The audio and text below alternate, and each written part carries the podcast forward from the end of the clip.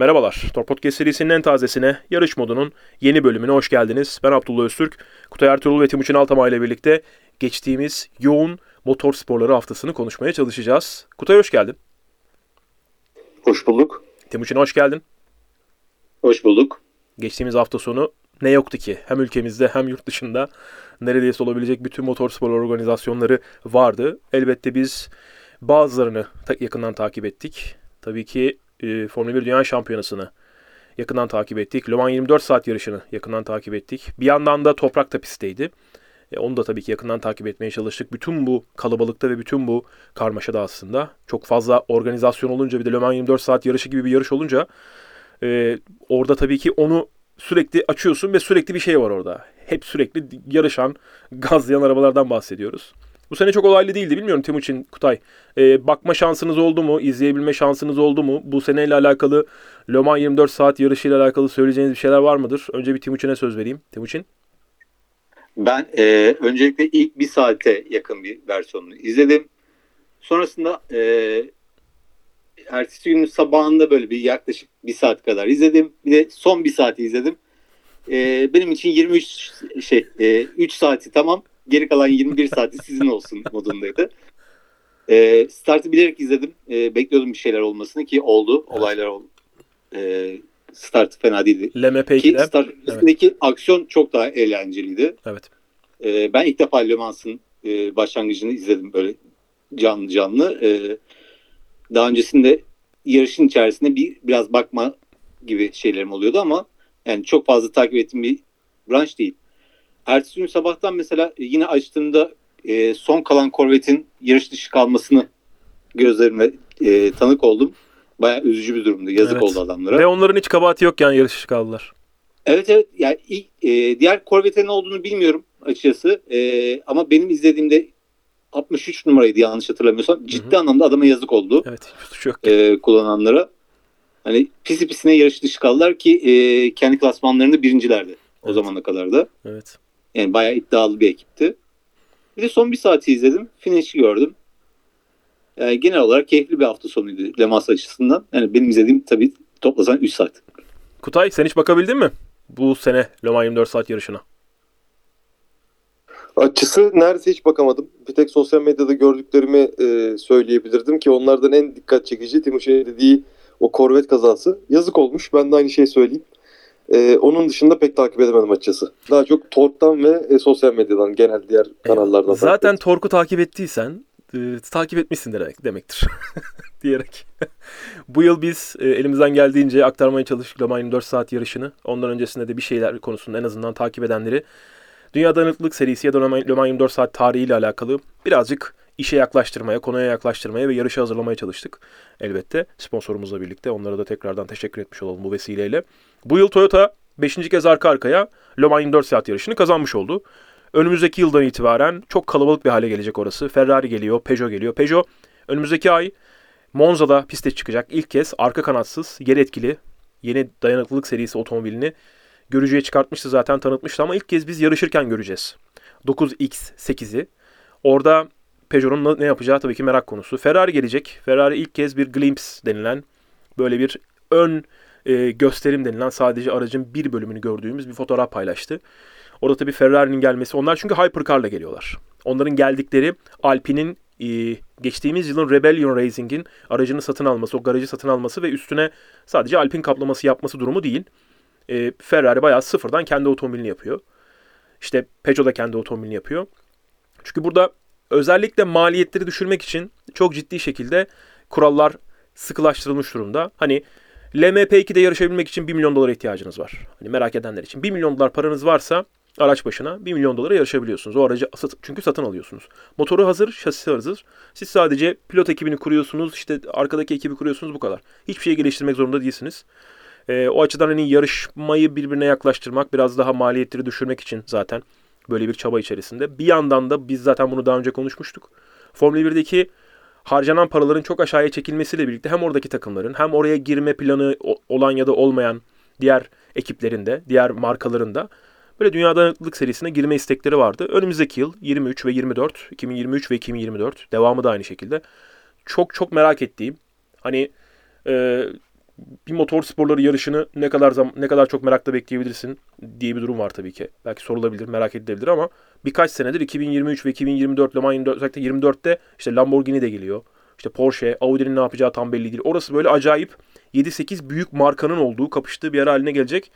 İnşallah orada belki takip etmekte nasip olur. Le Mans 24 saat yarışını çünkü çok özel bir deneyim. Yerinde de takip etmek güzel bir şey olur. Bu hafta sonu Toprak pistteydi. Toprak Emilia Romanya'da pistteydi ve biz onun bu hafta sonu yarış kazan kazanmasını bekliyorduk. Cumartesi günü mekanik bir arıza yaşadı 3. sırada giderken. Çok büyük bir talihsizlikti. O hala yeni motorla alakalı sıkıntılar yaşamaya devam ediyor. Maalesef bir talihsizlik bu. Mekanik sporlarda, mekanik motor sporları, mekanik sporlar ve her şey olabilir. Pazar günü sabah Süperpol yarışını kazandı ve ikinci yarışta hafta sonunun ikinci ana yarışında da ikinci olmayı başardı. Elinden geleni yapıyor. Motora uyum sağlamaya çalışıyor. O yüzden bizim şampiyonumuz olarak kendisini desteklemeye devam ediyoruz. Ee, kendisini tekrardan tebrik etmiş olalım. Cem'le de alakalı yine tabii ki konuşmak lazım. Çünkü bu hafta sonu iki yarış hem sprintte hem ana yarışta ikisinde de çok talihsiz. Yani hiç kendisiyle alakalı, alakası olmayan kazalar. İlk kaza zaten önündekiler ilk virajda bariyerlere girdiler ve o hiçbir seçeneği artık, artık kalmamıştı. Geldi ve bodoslama girmiş oldu onlara. Cem'in bir kabahati yoktu. İkincisinde de zaten Roy Nissany gerçekten çok 10 yıldır orada yarışıyor neredeyse o adam. Bildik bileli orada yarışıyor. F2'de yarışıyor ama hani bu kadar tecrübesizce bir davranış. Çok çok garip bir e, atak doğurdu 3. virajda. Ve orada yaptığı atakla birlikte Cem'in yarışına mal oldu. Oradan sonra çıkan işte hengameler oldu. E, yaşanan tartışmalar oldu. Özellikle Roy Nissany'nin e, söylemiş olduğu bir kelime vardı. Hepimiz duyduk. Piste bir aptal var, piste bir salak var diyerek. Orada tabii işte iki takım da, iki takımın garajı da yan yanaymış. Onların arasında bir gerginlik olmuş. Yani niye böyle bir şey söyleniyor gibi bir durum ortaya çıkmış ve orada da karşılık kötü olunca bir e, nasıl söyleyeyim itişme yaşanmış iki ekip arasında. Ve orada da hemen e, sonrasında tatlıya bağlanmış. Hemen FIA tabii ki çağırıyor sizi ve soruyor konuyu. İki tarafta net bir şekilde anlatmış ve sonra işte orada cezalar verilmiş vesaire ve konu kapanmış. Ne olursa olsun böyle şeyler yaşanmamalı. Böyle şeyler olmamalı. Ee, biz yani Cem çok önemli bir şeyi başarmış durumda. Buraya gelerek ee, biz onu özellikle sezon başından beri ben sürekli aynı şeyi tekrar ediyorum, söylüyorum. Çünkü beklemiyorduk Cem'in burada olmasını. Bütün bu paket bir araya getirilmiş, sponsorlar bir araya getirilmiş. E, Cem yetenekli bir adam ve burada yarışıyor. F2'de yarışan bir adamımız var bizim. Yani biz önce Cem, Cem'i izliyoruz. 2 saat sonra da Max Verstappen'den Leclerc piste çıkıyor. Çok kıymetli bir şey. Hani orada başka bir şeye gerek yok. Başka işlere girmeye gerek yok. O yüzden Cem kendi işine bakmaya devam edecektir zaten. Böyle gerginlikler vesaire onu pek etkilemeyecektir. Onun için pek önemli olmayacaktır zaten. E, çünkü Paddock'ta sevilen bir çocuk. E, herkes seviyor onu. Burada F2'nin sürekli onunla alakalı yaptığı paylaşımlar var.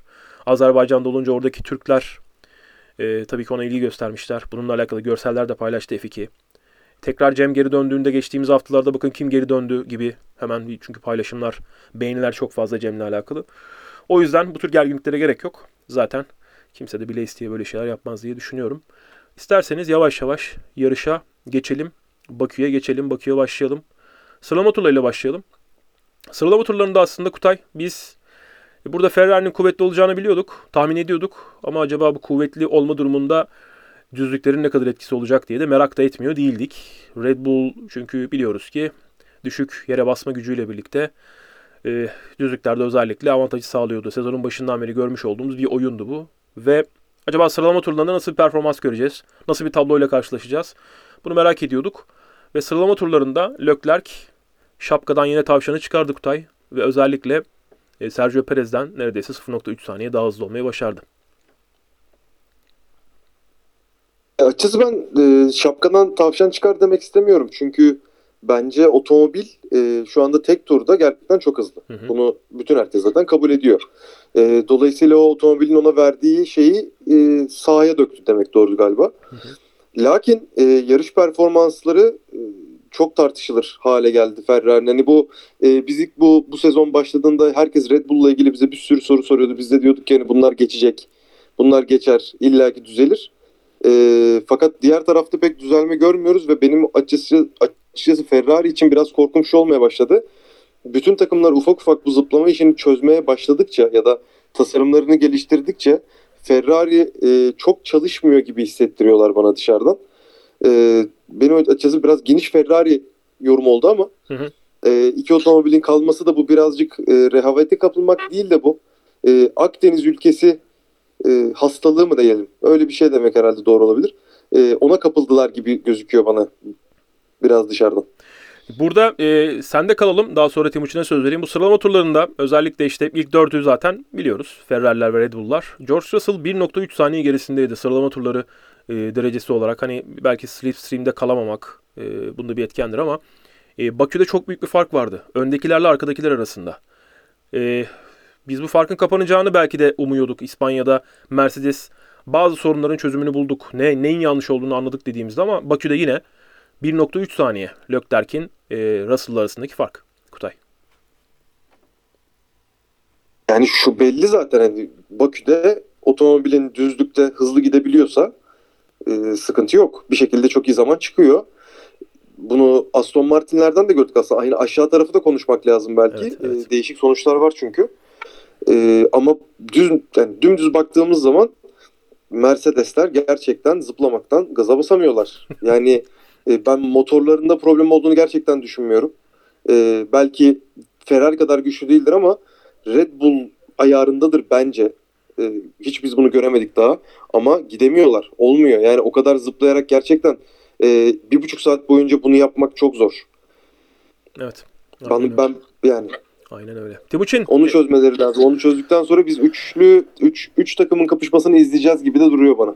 E, umudumuz oydu evet doğru söylüyorsun. Timuçin bu Leclerc'in e, ortaya çıkarmış olduğu performans. Ben biraz tavşadan şap, e, şapkadan tavşan çıkarmak gibi yorum yaptım. Kutay dedi ki aslında beklenen şey buydu dedi. Ben e, o bir önceki ilk hakkında yaptığı turla ilgili e, grupta da yazmıştım zaten. Bu şekilde kullanarak nasıl o dereceye çıkardı diyerekten. Çünkü e, yanlış hatırlamıyorsam 14. viraj mı 15. virajdayken de bayağı yanlayarak dönüyor orayı. Evet. Hani arkadan bir kaymayı kontrolle toparlıyor. Kontrasına rağmen derecesi çok yüksekti. Hani e, bu açıdan bakınca evet şapkadan bir tavşan çıkarttı bence Leclerc. Hı hı. Çünkü e, o kontrolleri verirken dereceyi kaybetmedi. Tam tersine dereceyi daha da fazla kazanmış oldu. E, şöyle e, Red Bull'ların önünde bu kadar rahat geçirmeleri se- bir sebebi de şu olabilir aslında. E, ikinci haklarında Verstappen şey alamadı. Slipstream'i alamadı. Hı hı. E, Perez'den o hava koridorunu alamadı. Perez daha geç çıkmak zorunda kaldı. Aslında Perez de bir nevi herken kimseden şey alamadı.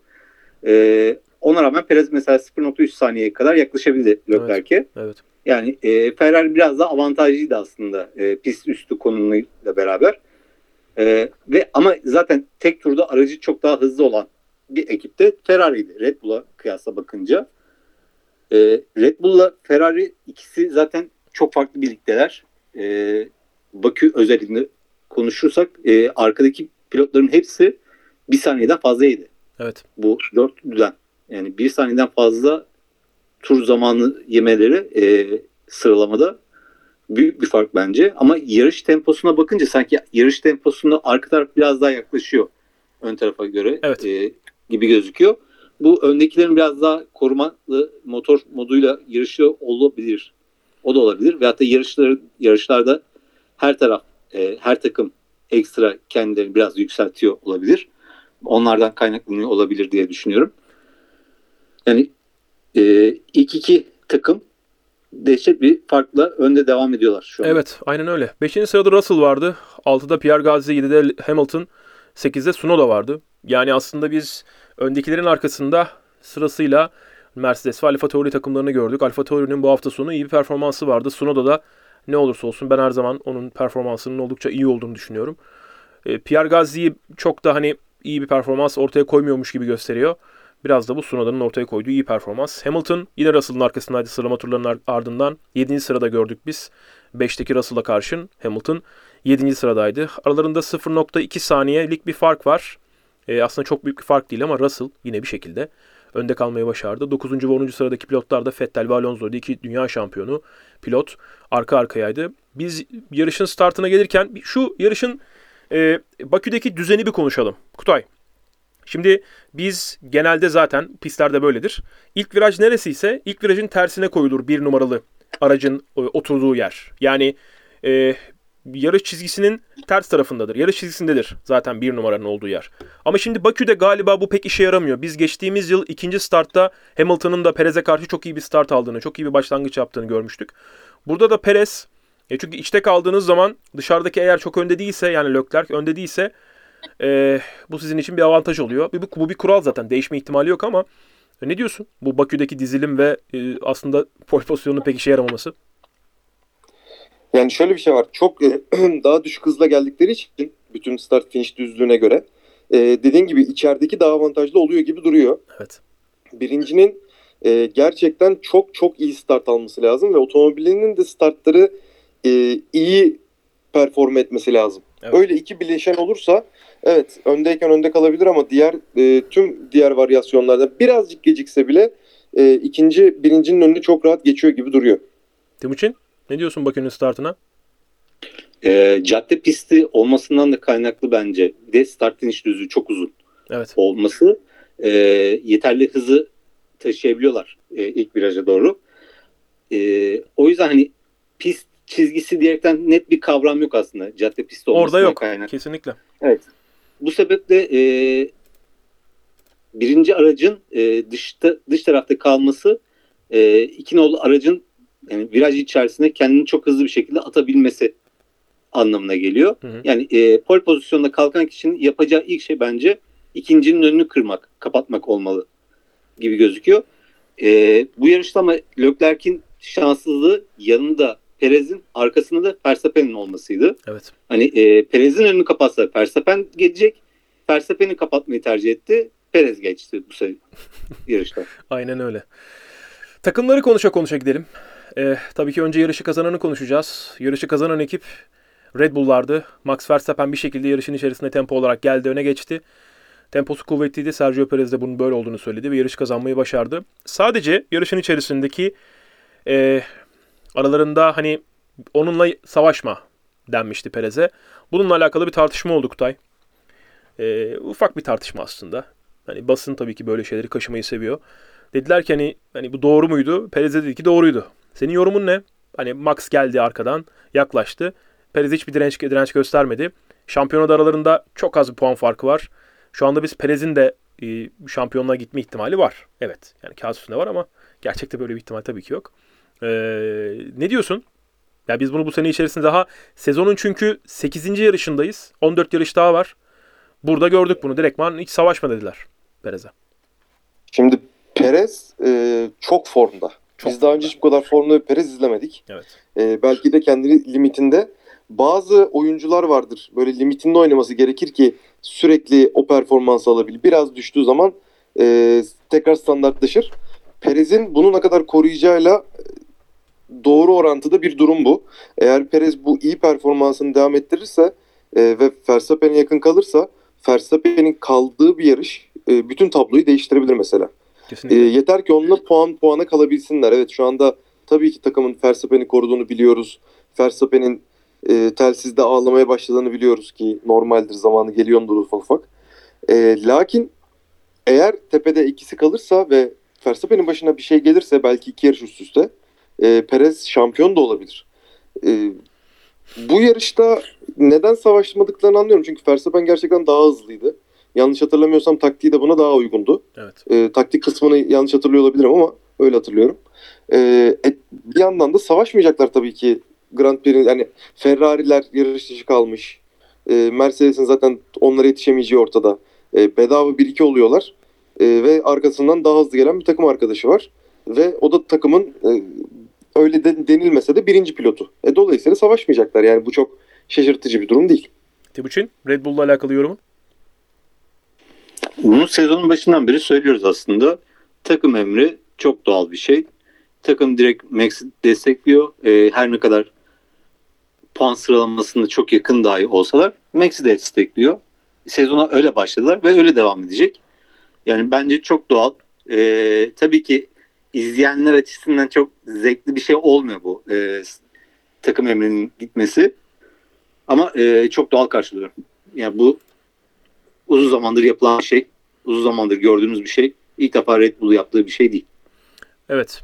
E, yarış dışı kalanları bir Ferrari'leri konuşalım. Ferrari'lerle alakalı E, özellikle yaşanan motor sorunu, Leclerc'in yaşadığı motor sorunu, sonra Alfa Rome- Romeo'da yaşanan, Haas'ta yaşanan yani yine Ferrari motorlu araçlarda yaşanan motor sorunları, Sainz'in yaşadığı hidrolik sorunu ve sezonun başlangıç başlangıcından bu yana Ferrari'nin artarak sezon başında neredeyse sorun yaşamayacakmış gibi gözükürken özellikle yeni güç ünitesi versiyonuna geçtikten sonra PU 2'ye geçtikten sonra güç ünitesi 2'ye geçtikten sonra diyelim işin Türkçesini söyleyelim. Buraya geçtikten sonra Ferrari'de bir dayanıklılık sorunu olduğunu görüyoruz. Ee, yani burada strateji anlamında aslında Kutay söylenecek bir şey yok. Ee, Sainz'ın dışarıda kalmasının ardından hani ben genel olarak teknik anlamda birkaç bir şey söyleyeceğim ama e, Sainz'in dışarı kalmasından dışarıda kalmasından sonra sanal güvenlik aracında bedavadan bir pit stop yaptı Leclerc. Ve hiç Ferrari'den belki de bekleyeceğimiz şeyler değil bunlar. Bu kadar hızlı, aktif hemen reaktif kararlar vermeleri. Ee, doğru bir karar verdiler ama tabii ki böyle bir sorun yaşayacaklarını onlar da hesap edemezlerdi. Değil mi? Kutay. E, tabii ki yani kimse otomobilinin e, kalacağını beklemez. E, Orada performans göstermesini bekler. E, soruyu ama tam cevaplayacak dönem yok. Orayı biraz daha genişletsene. Şöyle söyleyebilirim Çok aslında sana. konu. Burada burada şunu söyleyebilirim aslında sana. İki tane genç adamdan bahsediyoruz. Sainz ve Leclerc. Sürekli mekanik sorunlar yaşanıyor. Bazen de stratejik anlamda duvar, pit duvarından sorunlar görüyoruz. Ortaya konamayan stratejiden aslında bahsedebiliyoruz bazen bazı yarışlarda. Bu adamlar kafa olarak sürekli hazır kalabilirler mi sence?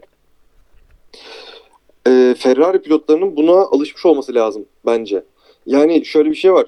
Otomobil yavaştı ama bu dediğimiz problemler zaten sürekli sıklıkla tekrarlanıyordu. Şimdi otomobil hızlı, bu problemler yine tekrarlanıyor. Şimdi otomobil hızlı diye herkes konuşmaya başladı. Tek fark bu. Şampiyonluk şansı var çünkü. Aynen öyle. Şampiyonluk şansı olduğu için eskiden bu aynı hatalar yapılıyordu. Birebir neredeyse birebir aynı hatalar yapılıyordu. Ve hiç kimse bir şey demiyordu ya da böyle sadece bir e, yani La Gazzetta dello Sport'un ufak bir başlığı oluyordu. Çünkü Evet. Ferrari şampiyonluğa yarışmadıkça e, çok konuşulmaz. Biraz ben Galatasaray'la benzetiyorum o konuda. E, taraftarı da İtalya dışında çok e, aktif olmaz. O tifosi en canavarlar dışında. E, ama Ferrari şampiyonluğa oynamaya başladığında İtalya bir kere buna başlıyor ve e, aslında uyuyan birçok Ferrari taraftarı e, bir anda tekrardan Formula 1 izlemeye başlıyor. Tabii. Dolayısıyla konuşulma çok daha artıyor. Bunun geleceğini biz geçmiş geçmiş sezonlarda görüyorduk zaten. Bu çok normal bir durum. Hatta sen diyordun bu takımın tamamen İtalyan olmaktan vazgeçmesi lazım diye. Kesinlikle. Çok doğru. lazım. Kesinlikle. Yani milli takım değil ki bu. Evet. Dolayısıyla onlar öyle görüyorlar gerçi. Ya bu arada tam full İtalyan bir takımla şampiyon olduklarını hayal ettiğimde de inanılmaz bir başarı. Hem İtalya için hem takım için ama çok zorlaştırıyorlar kendi işlerini. Yani İnşallah çözebilirler. kar- Çünkü takım sporu bu ne olursa olsun. Karşıda aslında ellerindeki her şeyi, ellerindeki e, olabilecek her şeyi en ideal şekilde kullanmaya çalışan rakipleri var. Hani bir meşrubat markası Red Bull. Özellikle bunun üstüne basa basa söylüyorum ki yapılan iş ne kadar mükemmel bu anlaşılsın diye. İnsanlar biraz bazen bu ifade kullanıldığında işte Red Bull'u küçümsüyor musunuz? Hayır tam tersine. Yani diğerlerini nasıl madara ettiklerini görüyoruz. Diğer bütün markaları. Onlar ikinci olsalar, üçüncü olsalar bile madara etmiş oluyorlar. Önemli değil. Onların sonuncu falan olması lazım. Çünkü hiç alakası yok. Formula 1 motor fabrikası yapıyorlar şu anda. Yaptılar, bitirdiler. Formula 1 motoru fabrikası yapıyor ya. Gidip bakkaldan alabildiğin bir içecek markası. Formula 1 motoru fabrikası yapıyor. Üretecekler, kendi motorlarını üretecekler. Yani bu diğer markaların başaramaması, başaramadık, beceremedik, olmadı dediklerinde aslında işin ne kadar anlamsız olduğu, ne kadar aslında çuvalladıklarını ortaya koyuyor. E, o yüzden işte Red Bull çok ciddi oranda 108 sene üst üste yapmış olduğu başarı, ortaya koymuş olduğu başarıyla Mercedes'in yapmış oldukları. Onlar dünyadaki e, alabilecekleri bütün çalışanları bir araya getirip en iyi paketi ortaya çıkartmaya çalışıyorlar. Yaptıkları şey bu. Ama diğer taraftan Ferrari özellikle milliyetçilik tarafına çok baskın şekilde ısrar ediyor. Ve bu ısrar durumu işte e, yıllarca başarısızlık, başarısızlık, başarısızlık. Sonra herkesin bildiği, ezberlediği Schumacher dönemi. Takımda yani İtalyanlık sadece milli marş. Oraya çıkıp orada yukarıda takım kazandığı zaman takım milli marşı İtalyan milli marş olarak çalıyordu. İşin başındaki işin patronu e, sadece İtalyandı. O kadar. Onun dışında takımın patronu da, takımın teknik patronu da, takımın baba sürücüsü de hiçbir İtalyan değildi. Ve İtalyan olmadıkları için, farklı mantıkla düşündükleri için, İtalyan gibi düşünmedikleri için bu şampiyonluklar, bu başarılar geldi. E, biz hani işte Flavio Briatore'nin mesela Renault'da kazandığı başarıları gördük ama orada farklı bir sistem vardı. O farklı sistemin içerisine işi yönetmeyi beceren e, Kutay Çok daha tabii yakından takip etti yıllarca Renault taraftarı olduğu için. işi nasıl yönetmeyi bildiğini bildiğimiz e, Flavio Briatore vardı orada. İşte konu farklıydı orada. İtalyan bir takımın İtalyan patronu değildi. Burada da Ferrari'deki konu e, biraz buradan çuvallıyor. Şimdi e, ben söyleyeceklerimi söyleyeyim sonra Timuçin'e Ferrari ile alakalı görüşlerini sormuş olayım. E, sezonun başında kullandıkları motorla bu motor aynı değil. İkinci versiyonunu getirdiler. Hala hibrit sistemi yenilemiş değiller. Hibrit sistemle alakalı özellikle geciktiriyorlar Eylül ayına kadar süreleri olduğu için. E, ellerinden geldiğince e, mevcut versiyonun içerisinde tabii dondur, dondurma gerçekleşti. Motor içten yanmalı bölümde dondurma gerçekleşti ama biz bu e, motorların belli departmanlardaki verimliliğinin artırılmasının hala devam ettiğini biliyoruz. Sadece yeni bir içten yanmalı parça artık üretemezler. Bu üretme durumu dondurulmuş durumda. Bir e, yeni bir turbo üretemezler. Bu artık konu kapandı. Bunun verimliliği anlamında, bunun diğer parçalarla bir araya getirdiği paket anlamındaki uyum konusuna yönelmiş durumdalar. İkinci versiyonla birlikte Ferrari'nin özellikle sorun, sorunlar yaşadığını gördük.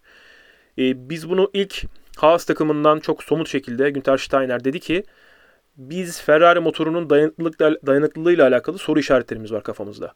Onlar bunu nasıl tabii ki söylüyorlar. Elbette onların da bir mühendis ekibi var ve mühendis ekibi onların sorun olduğunu görüyor. Ya da en azından ilk versiyonla alakalı ortaya koyulan yüksek performansın ikinci versiyonda ortaya çıkmadığını görüyorlar. Ferrari sezonun başında bunu söylüyordu. Bunu tabi bu, aslında herkesin söylediği, yıllardır Formula 1 izleyen herkes, herkesin söyleyebileceği bir şey. Sezona başlarsınız. Sonra hani bütçe limitiniz olmasa bile güncellemeler yapmaya başlarsınız ve güncellemeler aracı ya bozacaktır ya da daha iyiye götürecektir. E, Ferrari şu anda aracın hızında problem yok. Araç daha da hızlandı. Mesela yeni getirdikleri arka kanatla birlikte düzlüklerde 7-8 km daha hızlı gidiyorlar. E, yarışta mesela fark ettiyseniz Verstappen Leclerc'in arkasına geliyordu geçemiyordu. Geliyordu geçemiyordu. Biz bunu birkaç kez gördük. Sonra Leclerc pite falan girdi. E, geldi geçemedi, geldi geçemedi. Defalarca biz bunu gördük. Ama işte bu o farkı ortaya koyan şey yeni getirilen arka kanattı. Mesela o işe yaradı. Bazı parçalar getiriyorsun ve işe yarıyor. E, taban kenarları getirdiler işe yaradı ama motorda maalesef bir çuvallama ortaya çıkmış durumda. E, motor kullanılamaz hale geldi çok büyük ihtimalle. Bunun bir sebebinin de bu Ferrari'nin çok fazla zıplama konusunu hep Binotto diyordu ki e, tamam bir sorun yaşamıyoruz hız konusunda. Hani araç yavaşladığında frene oturduğu an, anda stabilize oluyor. Stabil hale geliyor araç. Stabilize oluyor denmez tabii ki. Stabil hale geliyor araç. Daha dengeli hale geliyor ve biz frenlemede çok daha dengeli bir araçla birlikte viraja giriyoruz. Bizim dengemizi etkilemiyor. Düzlüklerde işte pilotlar zıplayıp duruyorlar. Çok da bir problem değil. Yarıştan sonra da aynı şeyi söylemiş. Ee, biz pardon sıralama turlarından sonra aynı şeyi söylemiş.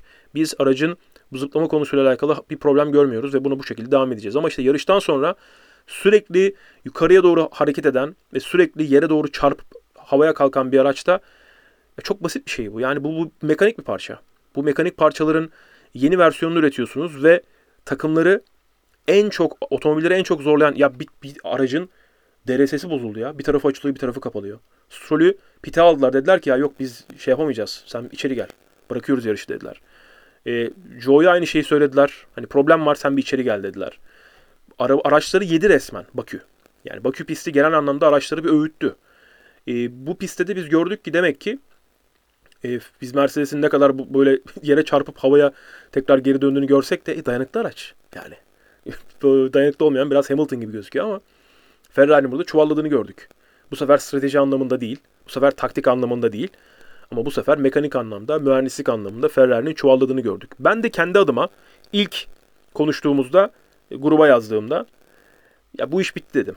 Ben çünkü bunu iki yarış önceden beri böyle düşünüyorum. Ee, sanki Red Bull bundan sonra sorunlar yaşamayacak. Perez çok kuvvetli, çok iyi bir ikinci adam. Sainz geri gelmeye çalışıyor. Gelebilir. Bu her şeyi unutturabilir bize birkaç yarış sonra ama yine de ben e, Perez, Perez performansına yükselebileceğini düşünmüyorum. Leclerc geri geliyor. Sıralama turları geliyor. En iyi turu yani şuradaki sıralama turları performansı çok özel. O kadar özel ki. Yani aracın arkası çok oynak. Özellikle hem Leclerc hem Verstappen bu simülasyon yıllarından gelen bir şey midir? Karting yıllarından edindikleri bir sürüş alışkanlığı mıdır bilmiyorum ama kafadan kaymak değil de sürekli böyle arkadan kaymaya meyilli otomobilleri kullanmayı çok seviyorlar. Bu Verstappen'in de bir yerde söylediği, nerede olduğunu hatırlayamayacağım, bir söylediği bir cümleyle de alakalı aslında bir geri dönüş. Bir yandan da Leclerc de böyle. Sürekli arkası oynak otomobilleri kullanmayı çok seviyor. Hatta Vettel'in Ferrari'den ayrılmadan önceki yıl söylediği yani aracın arkasıyla alakalı sorunum var. Vettel mesela pek onu sevmiyor. Bu kadar da e, öngörülemeyen bir sürüş stili ona göre değil. Ancak Leclerc'te durum öyle değil. Timuçin çünkü ondan bahsetti. Yani bu sıralama turlarının bu, bu dağınık turdan nasıl bu derece ortaya çıktı diye. E, o dağınık tur neredeyse limitleri zorlayarak, duvarları işte yalayarak geçerek bir şekilde o dereceyi ortaya koymayı başarıyor ama işte yarışa geliyorsunuz taktik hatası. Yarışa geliyorsunuz motor arızası. Yarışa geliyorsunuz ya işte bırakıyoruz e, arabayı kenara çekiyoruz falan. Bir noktadan sonra e, bu genç adam aslında ya yeter artık diyebilir. Biz onun e, önümüzdeki yarış Kanada'da yine aynı şey yaşanırsa bu sefer bağırıp çağırdığını görebiliriz. Yani Ferrari garajında başka şeyler yaptığını da görebiliriz. Böyle e, kaskı bir yerlere vurduğunu falan da görebiliriz. E, çünkü herkes onun yanında yer alır. Bilmiyorum siz ne düşünüyorsunuz ama Timuçin. E, bir böyle bir şey görsek herkes sanki Leclerc'e hak verir gibi geliyor. Hem Ferrari yorumunu alayım hem de ne diyeceksin bu? Leclerc sinirini e, sinirine hakim olabilir mi? Leclerc sinirine hakim olabilir mi? Bence olur gibi gözüküyor ama e, tam tersi Max hakim olur mu diye sorarsan. olmaz. Olmaz gibi geliyor yani bilmiyorum bana kişilik olarak öyle gözüküyor ikisi yani bendeki izlenimleri bu şekilde. Hı hı. E, senin şu cümlenle gireceğim ben. E, Bakü araçları öğüttü cümleni şu şekilde evritmeyi uygun gördüm. Bakü Ferrari motorlu araçları öğüttü. Kesinlikle. Çünkü e, Ferrari motorlu 3 takımda birer aracını e, kaybetti. Evet. Motordan dolayı. Yani e, Alfa'da Joe'nun e, Haas'ta da şey Mag, e, Magnussen'e. Magnussen, Magnussen'in başına geldi. E, bu üç araç motor yüzünden kaldı. E, diğer iki bitirebilen de e, Schumacher ile beraber Bottas'lı e, performansları da zaten 3 aşağı 5 yukarı çok iyi değildi, parlak değildi Bakü hafta sonu özelinde. Yani Ferrari'nin geneline bakınca e, çok hızlılar ama bu dayanıklı sorunu e, ne kadar daha devam edebilecek, edecek açıkçası onu e, merak konusu. Yoksa e, Red Bull ciddi anlamda e, büyük bir avantajı eline geçirmiş gibi gözüküyor. Bu avantajı e, bir şekilde Ferrari'nin tekrardan geriye alması gerekiyor. Valla işte 70-80 puan neredeyse öndeyken bir anda geriye düştü ve e, buradan sonra da sanki bu tablo geri dönmüş dönmez gibiymiş gibi geliyor bana. Ben nedense Max Verstappen bu sene çok rahat şampiyon olacak gibi hissediyorum. Yani bu olmayabilir. Şöyle iki yarış öncesinde sen mesela e, şampiyonluk gidiyor gibi yani kendi aramızda konuştuğumuzda evet. şampiyonluk gidiyor gibi dediğinde Leclerc'ten dolayı böyle bir cümle kurmuşsun. Bu hafta ise mesela e, Ferrari'nin performansından dolayı. Şimdi ben e, mesela Leclerc'in performansıyla ilgili sen o cümleyi kurduğunda sana şey demiştim daha çok erken. Hani e, elbet düşüşler inişler olacak diyerekten söylemiş ama şimdi Ferrari ile ilgili Ferrari'den dolayı bu cümleyi kurunca e, buna cevap veremiyorum açıkçası. Çünkü Ferrari'nin geçmişteki e, gidişatı da az çok belli. Evet. E, bir anda çok büyük bir e, bocalama süreci yaşayıp e, Fetel sezonundan bahsediyorum yani burada. E, çok iyi giden bir sezonu çöpe attıkları oldu yani. E, evet. Ferrari bunu yapabiliyor. Yapabilecek bir kadro var şu anda orada. 2012 Alonso yılında da biz özellikle Ferrari'nin değil de Alonso'nun performansını izlemiştik. Alonso gerçekten orada muhteşem bir sezon ortaya çıkartmıştı, performans ortaya çıkartmıştı. Ancak karşılarında yenilmez bir makine vardı ve o yenilmez makineyi Red Bull Vettel makinesini mağlup edememişlerdi. Yine bir Red Bull Ferrari kapışması izlemiş 2012 yılında. Neredeyse şampiyon oluyorlardı ama olamamışlardı. Gelelim aslında bu hafta sonunun belki de yarıştan sonra çok konuşulan, en çok konuşulan mevzusuna. Bu Mercedes'in Mercedes takımının, Mercedes takım patronunun ve pilotlarının başını çektiği, diğer pilotların da elbette çok fazla yorum yaptığı ama özellikle Mercedes takımının başını çektiği zıplama meselesi. Toto Wolff çok fazla bu meseleyle alakalı e, ona soru soruluyor ve sorulara cevap veriyor tabii ki. O kendisi bu mevzuyu açmıyor. E, George Russell çok fazla bu konuyla alakalı konuştu. Lewis Hamilton pek bu konuyla alakalı konuşmadı. Daha çok işte soruldukça geçiştirir gibi oldu ama yarış sırasında çok zorlandığını ve yarıştan sonra da zorlandığını gördük. Sonrasında Christian Horner'a soruldu bu konu. Dediler ki çok ciddi bir şikayet var Mercedes'ten. Ya bunu çözebilirler o zaman dedi. Zaten biz de bunu paylaştık. Ne söylediğini. Önce Kutay sana sorayım. Ee, bu durumla alakalı yani söylenebilecek bir şey var mı? Eklenebilecek bir şey var mı? Mercedes haklı, Red Bull haklıdan ziyade e, burada sürücü sağlığını düşünüp diğer takımların çözmüş olduğu bir mesele konusunda bir kural değişikliğine gidip sonrasında e, sorunu FIA mı çözmeye çalışmalı? Yoksa ya diğerleri çözdü arkadaş siz de o zaman kendi kurallarınızı koyun. Kendi düzenlemelerinizi yapın. işte aracın yüksekliğini artırın. Bir şekilde bunu çözün. Mercedes takımı kendi pilotlarınızın sağlığını kendiniz düşünün. Müdenmeli. Yorum yorum ne bu konuya sende? Ya öncelikle e, biri sakatlanacak ya da e, bu zıplamadan dolayı çok ciddi bir kaza olacak. O zamana kadar bu bir şekilde gider. O bu olduğunda da e, FIA yüksek ihtimalle diyecek ki belli bir zıplama sınırı olsun. Çünkü evet mantıklı olan şu. Bu kadar sağlıksız şey, ka- sağlıksız olacak kadar zıplayan bir otomobili yükseltin. Bu iş bitsin. Mantıklı olan bu.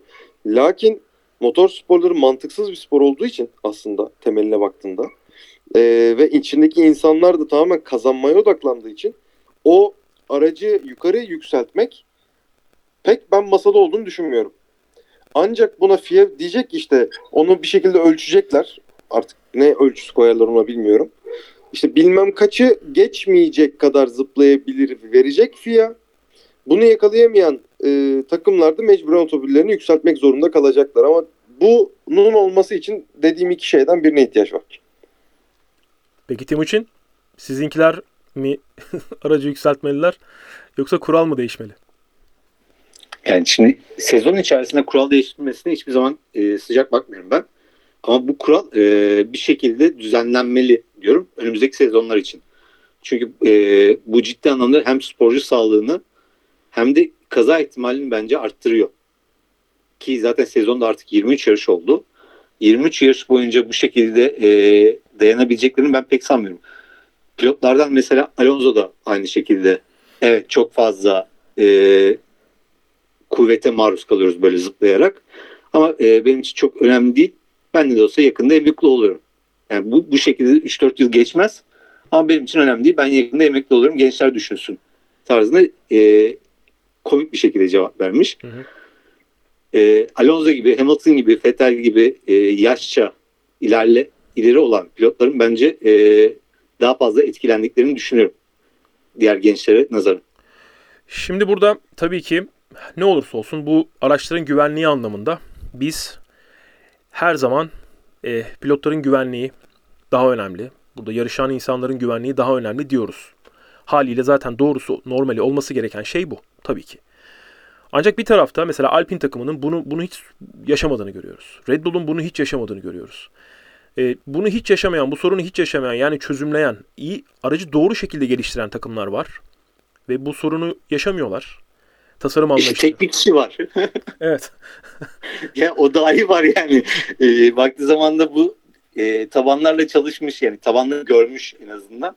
Bir dahi var ortalıkta. Evet. E, bu tek bir kişi e, o da orada. Yani Şimdi diğer tarafların e, elinde öyle bir koz yok. Doğru. Ee, yani bir kural değişikliğine gidileceğini düşünmüyorum. Çünkü akla gelen ilk seçenek aktif süspansiyon. Arkada bir aktif süspansiyon sürekli bu zıplamayı ortadan kaldıracak. e, aktif çalışan. e, özellikle Ayrton Senna'nın McLaren'den Williams'a geçmesine sebebiyet veren sonra geçtikten sonra yasaklanan ön tarafta e, aktif süspansiyon konusu. Tekrardan acaba arka aracın arka tarafında geri döner mi? Bunu bilmiyorum ama ben çok da olası görmüyorum bu durumu. Ee, Mercedes takımı araçlarının rekabetçi olabilmesi adına araçlarını yere yaklaştırmak yerine rekabetçi olabilmesini tercih ettiler Bakü'de. Ve bunu tercih ettikleri için de pilotları bu kadar yüksek e, sürekli güce maruz kalarak düzlüklerde zıplaya zıplaya gitmek durumunda kaldı. Aracın arkasını birazcık yükselttiğinizde aracı toplamını ve genel manada arkasını, rake açısını yani aracın ön, arkasının önüne olan açı açısından bahsediyoruz. Aracın arkası biraz havada oluyor. Özellikle geçtiğimiz yıllarda Red Bull'un böyle olduğunu görmüştük. E, bunu yükselttiğiniz zaman neredeyse bir paraşüt etkisi yapıyormuş. Pilotların söylediği şey bu. Bir paraşüt sanki arkaya bir paraşüt bağlamışsınız gibi bir e, etki ortaya çıkıyormuş. Çok fazla sizi arkadan çeken bir şey varmış gibi hissediyormuşsunuz. O yüzden Mercedes bunu istemiyor. Bir anda çok ciddi şekilde arkada kalacaklarını söylüyorlar. Bir anda çok yavaşlayacaklarını, belki bir saniye yavaşlayacaklarını söylüyorlar ve bunu istemiyorlar. E diğer taraftan da Red Bull diyor ki ben Toto Wolff'un yerinde olsam Christian Horner, ben Toto Wolff'un yerinde olsam aynı şeyi söylerdim. Birebir aynı şeyi yapardım ve aynı şeyi söylerdim. E, hani hak veriyor. sonuna kadar ama diyor hani biz bunu çözdük onlar da çözsün o zaman. Yapacak bir şey yok. Hani bizim tasarımımız doğru ve biz bu tasarımla birlikte en öndeyiz. Ama onların tasarımı yanlış. O zaman araçları yükseltecekler. Bu seneyi çöpe atacaklar ve aracı çözene kadar ben açıkçası işin doğrusu Christian Horner tarafındayım burada. Yani Red Bull tarafındayım. Çünkü Bu konuda ben de Horner tarafındayım. Yani çünkü bir çözü, çözmesi gereken kişi Mercedes veyahut Evet. da e, Ferrari. Burada pilot sağlığını etkilediği söyleniyor. Evet kesinlikle doğru. Ama şimdi yıllarca en iyi motoru ürettiği için biz yıllarca Mercedes'in önde olduğunu gördük. Kimse artık onlar motoru geliştirmesin, beklesinler biz geliştirelim de onlara yetişelim. Hani belki şu anda Mercedes pilotlarının fiziksel sağlığını etkiliyordu ama yıllarca diğer pilotların ve diğer takımların mental sağlığını etkiledi Mercedes'in bu kadar kuvvetli olması da. Ee, evet kıyas kabul etmez. Şaka yapıyorum. Ancak yine de ben adil olmayacağını düşünüyorum. Eğer Mercedes pilotlarının sağlığının etkilendiğini düşünüyorsa araçlarını yavaşlatacak o zaman. Bu, bunun çözümü budur. Maalesef bu konu böyledir. E, keşke Mercedes yukarıda olsa. Biz bunu İspanya'da ya geri döndüler gerçekten. İnşallah dönüyorlar ve biz bir kapışma izleyeceğiz dedik. Ya ben bir Ferrari taraftarıyım. Ferrari'nin şampiyon olmasını istiyorum elbette ama hani Mercedes de gelse ve bu üç takım kapışsa müthiş bir şey olur abi. Ben çünkü Ferrari'nin yıllarca Schumacher'le şampiyon olduğunu gördüm. Yani o zevki yaşadım. Keşke şampiyon olsun isterim ama orada yukarıda 6 tık 6 tane pilot her yarışın galibiyeti için kapışsa bu müthiş bir şey olur. Yani muhteşem olur. Çok isteriz. Ama bu şekilde değil. Diğer diğerleri diğerlerini yavaşlatın. Bu böyle olmaz. Yani kural bu şekilde değiştirilmez. O yüzden e, Mercedes de açıkçası bunu istediğini ima eden bir şey söylemedi Toto Wolff. Onu söyleyeyim. Yani Toto Wolff hep çözeceğiz, çözeceğiz, çözeceğiz diyor. Ya biz bunu bakacağız, FIA ile konuşacağız. Bu yanlış, bizim pilotlarımızın sağlığı düşünülmüyor falan. Hiç demedi. Bunu hep Russell, George Russell üzerinden gidildi. Ee, belki ona o yorumu yapmasını Toto Wolff söylüyor mudur? O da adamın günahını almak olur. Bilmiyorum. Ben George Russell'ın böyle konularda konuşmayı seviyor. Kendi tercih olduğunu düşünüyorum. Bir de uzun boylu ya. Hani onun işte zıplama efektini daha çok hissediyor olabilir belki de. Bir şey, bir şey söyleyeceksin galiba Temuçin. Bir şey ekleyecektin galiba. Ya özellikle şey e, Bakü'de start finish düzlüğüne çıkarken Çok. 16-17 virajlardı değil mi? Yanlış Evet, hatırlamıyorum. evet, evet. 18 miydi?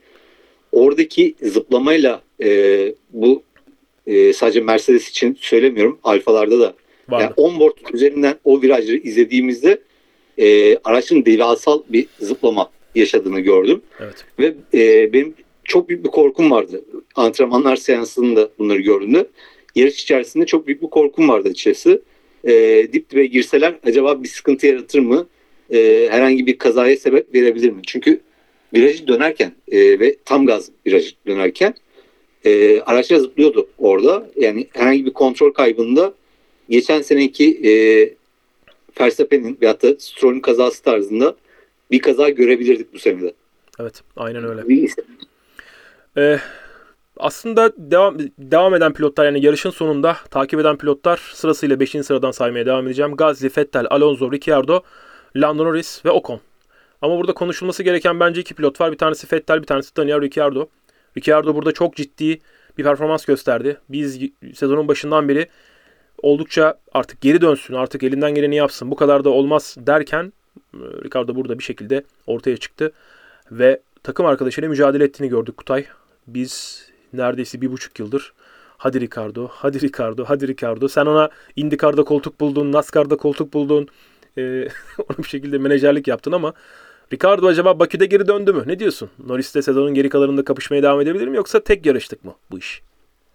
Yani ben Ricardo'yu severim. Öncelikle onu söyleyeyim. Umarım geri dönmüştür çünkü hızlı gidebilen bir Ricardo izlemesi eğlenceli bir adam. Evet. Ee, umarım yapabilir. Yapamazsa da ama alternatiflerini zaten sen de biraz önce sıraladın. Onların hepsini yapar. Ee, bu yarış özelinde de evet bir yarış performansı ortaya koydu. Ama iki Ferrari yine koyduğumuz zaman 7. oldu değil mi? Yanlış hatırlamıyorum. Bakıyorum, hemen bakıyorum. 8 oldu. 8 oldu. Norris'in önünde. İki tane Ferrari'ye iki tane Ferrari'ye öne koy 10. oldu. Evet. Yani yine de çok parlak performans değil. Yani parlak performans dediğimiz işte zaman zaman Norris'in yaptığı, zaman zaman Alonso'nun yaptığı, Hı hı. işte zaman zaman e, Magnussen'in yaptığı. Hani öyle bir şey görmemiz lazım. Yani burada Bu, sen sen şey mi diyorsun? Norris kötüydü. Arkada kaldı. Ricardo da onun önündeydi mi diyorsun? e, aynen öyle aslında Anladım. biraz. Hı, yani iki anladım. otomobil de aynı yerde. iki otomobile de birbirlerini geçmekle ve geçmemekle alakalı e, sıklıkla soru soruldu, cevap verildi, bir Evet. şeyler oldu ama ekstra bir şey yaptı mı Ricardo? Bence yapmadı. Evet. Yani yarışta zaten ekstra bir şey olmadı. O yüzden oradaydı ve orada bitirdi gibi geliyor bana. Arkadan da yani arkadan gelen biri de yoktu. Ee, öyle bir yarış seyretmedik. Böyle enteresan. Ben bana göre o tarz sorular var. Ee, çok sıkıcıydı falan diye. Bence de çok sıkıcıydı. O yüzden e, na- çok standart bir yarış geçirdi. Umarım geri gelir ama ayrı konu. Timuçin sana da Fettel'i soracağım. Fettel yine Bakü geçtiğimiz yıl onun podyuma çıktığı yarıştı.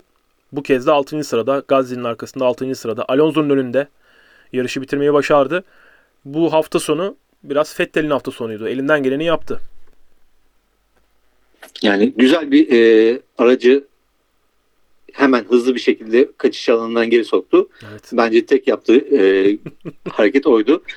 Yani genel olarak e, Aston Martin'le bu dereceleri alabiliyor olması yani Vettel açısından güzel sevindirici açıkçası. E, en azından Vettel'in hala bırakmadığını kafasında bunu bize gösterdiğini düşünüyorum açıkçası. Mesajlar geldi bize. Ee, mesajlarda diyorlardı ki e hani Fettel bıraksın diyorlardı. Hani böyle hemen Fettel taraftarları bizim dinleyiciler, takipçiler. E hadi abi yani bıraksın şimdi diyorlardı. Vettel bıraksını ben e, ta Ferrari zamanındayken söylüyordum. Evet. Yani ama yani şimdi takım arkadaşı Stroll abi yani. Evet. Onu da Kusura bakmayın da Stroll'le Latifi yani bu F1 gridindeki ciddi anlamda gereksiz iki pilot. evet. Hani bunları çıkartırsak hiçbir şey değişmeyecek. Yani e, ona karşı yaptığı bir şey yani Vettel'i çok fazla parlatmıyor. Hı hı. E, aracın kötü olduğunu bilmemiz hani e, Vettel'in bu şekilde derece almasıyla Vettel'i okeyleyebiliyoruz. Yoksa yani çok sıradan bir sonuç gibi geliyor bana. Diğer türlü bakınca. Kutay, Fernando Alonso Mona- e, biliyorsun Monaco'da e, Monaco Grand Prix'sinde millet arkasına takmıştı. Treni yapmıştı ve çok konuşulmuştu. Burada da sıralama turlarında Albon çok yakındı. Albon dedi ki ya işte hani e, çok fazla işte bizi engelledi falan gibi durumlar ortaya çıktı. Bu yarışta da 7. sırada bitirmeyi başardı. Alonso'nun performansını, Alpine'in performansını nasıl değerlendireceksin biliyorum sen e, sıkıldın biraz Alpine'in sürekli gerilerde kalmasından. Artık yukarıya mücadele yukarıya gitsinler, yukarıya doğru çıksınlar istiyorsun ama bir Alonso performansı değerlendirmesi alayım senden. Ee, yani aynı şeyi söyleyeceğim. Yine iki tane Ferrari koyduğun zaman dokuzuncu. Ee, yine dediğim gibi bir başarısızlık e, var. Ya, Alonso elinden geleni yapıyor. Ee, Ocon'la bazen denk geliyor. Ee, ama otomobil performans gerçekten veremiyor. Yani otomobilden başka bir şey çıkartamıyorlar olmaları lazım. Yani otomobil bu kadar. Dolayısıyla e, yani Alonso'yu izliyoruz ama keşke biraz daha e, yarışmacı izleyebilseydik bu son döneminde. Evet. Vallahi bir puan durumlarına bakıyorum. Ee, en son Kutay sen konuşurken Red Bull açık ara farkla 80 puan farkla lider takımlarda ve Ferrari ile Mercedes arasındaki puan farkı sadece yanlış görmüyorsam 38. Yani çok da uzak değiller. Pilotlarda Sergio Perez artık Leclerc'in önünde 13 puan farkla. Ee, puanlar 150, 129, 116. Verstappen, Perez ve Leclerc'in sıralanması ve Russell 99 puanla 4. sırada. Ee, Valla sezonun geri kalanı için bilmiyorum ne olur ama ben pek Ferrari taraftarı olarak umut var değilim. Hak eden kazansın diyoruz elbette ama hani biraz daha çekişmeli kapışmalı olsun. Tabii işin içerisinde drama sokuyor bu konu. Kutaycığım sen bu arada sorulara bakarsan sevinirim. Ee, oradan ben sana topu atmış olurum. Biraz da e, dramayı tabii ki etkiliyor. Böyle yaşanan sorunlar, problemler. Ferrari'nin yaşadıkları ama mücadeleyi son yarışa kadar işte Abu Dhabi'ye kadar gider mi bilmiyorum ama böyle son yarışa kadar olabildiğince taşısa bu Ferrari Red Bull kapışması, Leclerc Verstappen kapışması, Perez de işin içinde olur mu olmaz mı bilmiyoruz tabii ki.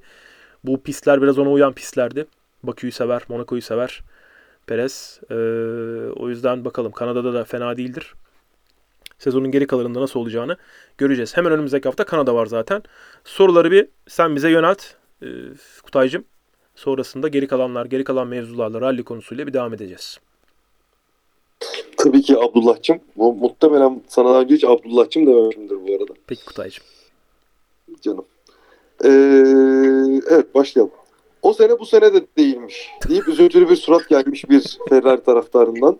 Herkese selam. Ben Sefer Çakmak alttan çizgi demiş. Bu sana gönderme ama. sayede- Bu sana gönder. Bu sana gönderme.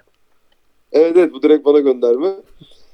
Yani belki döner işler. Bu arada ben şöyle bir şey de olabilir. Yine yakın gelecekte.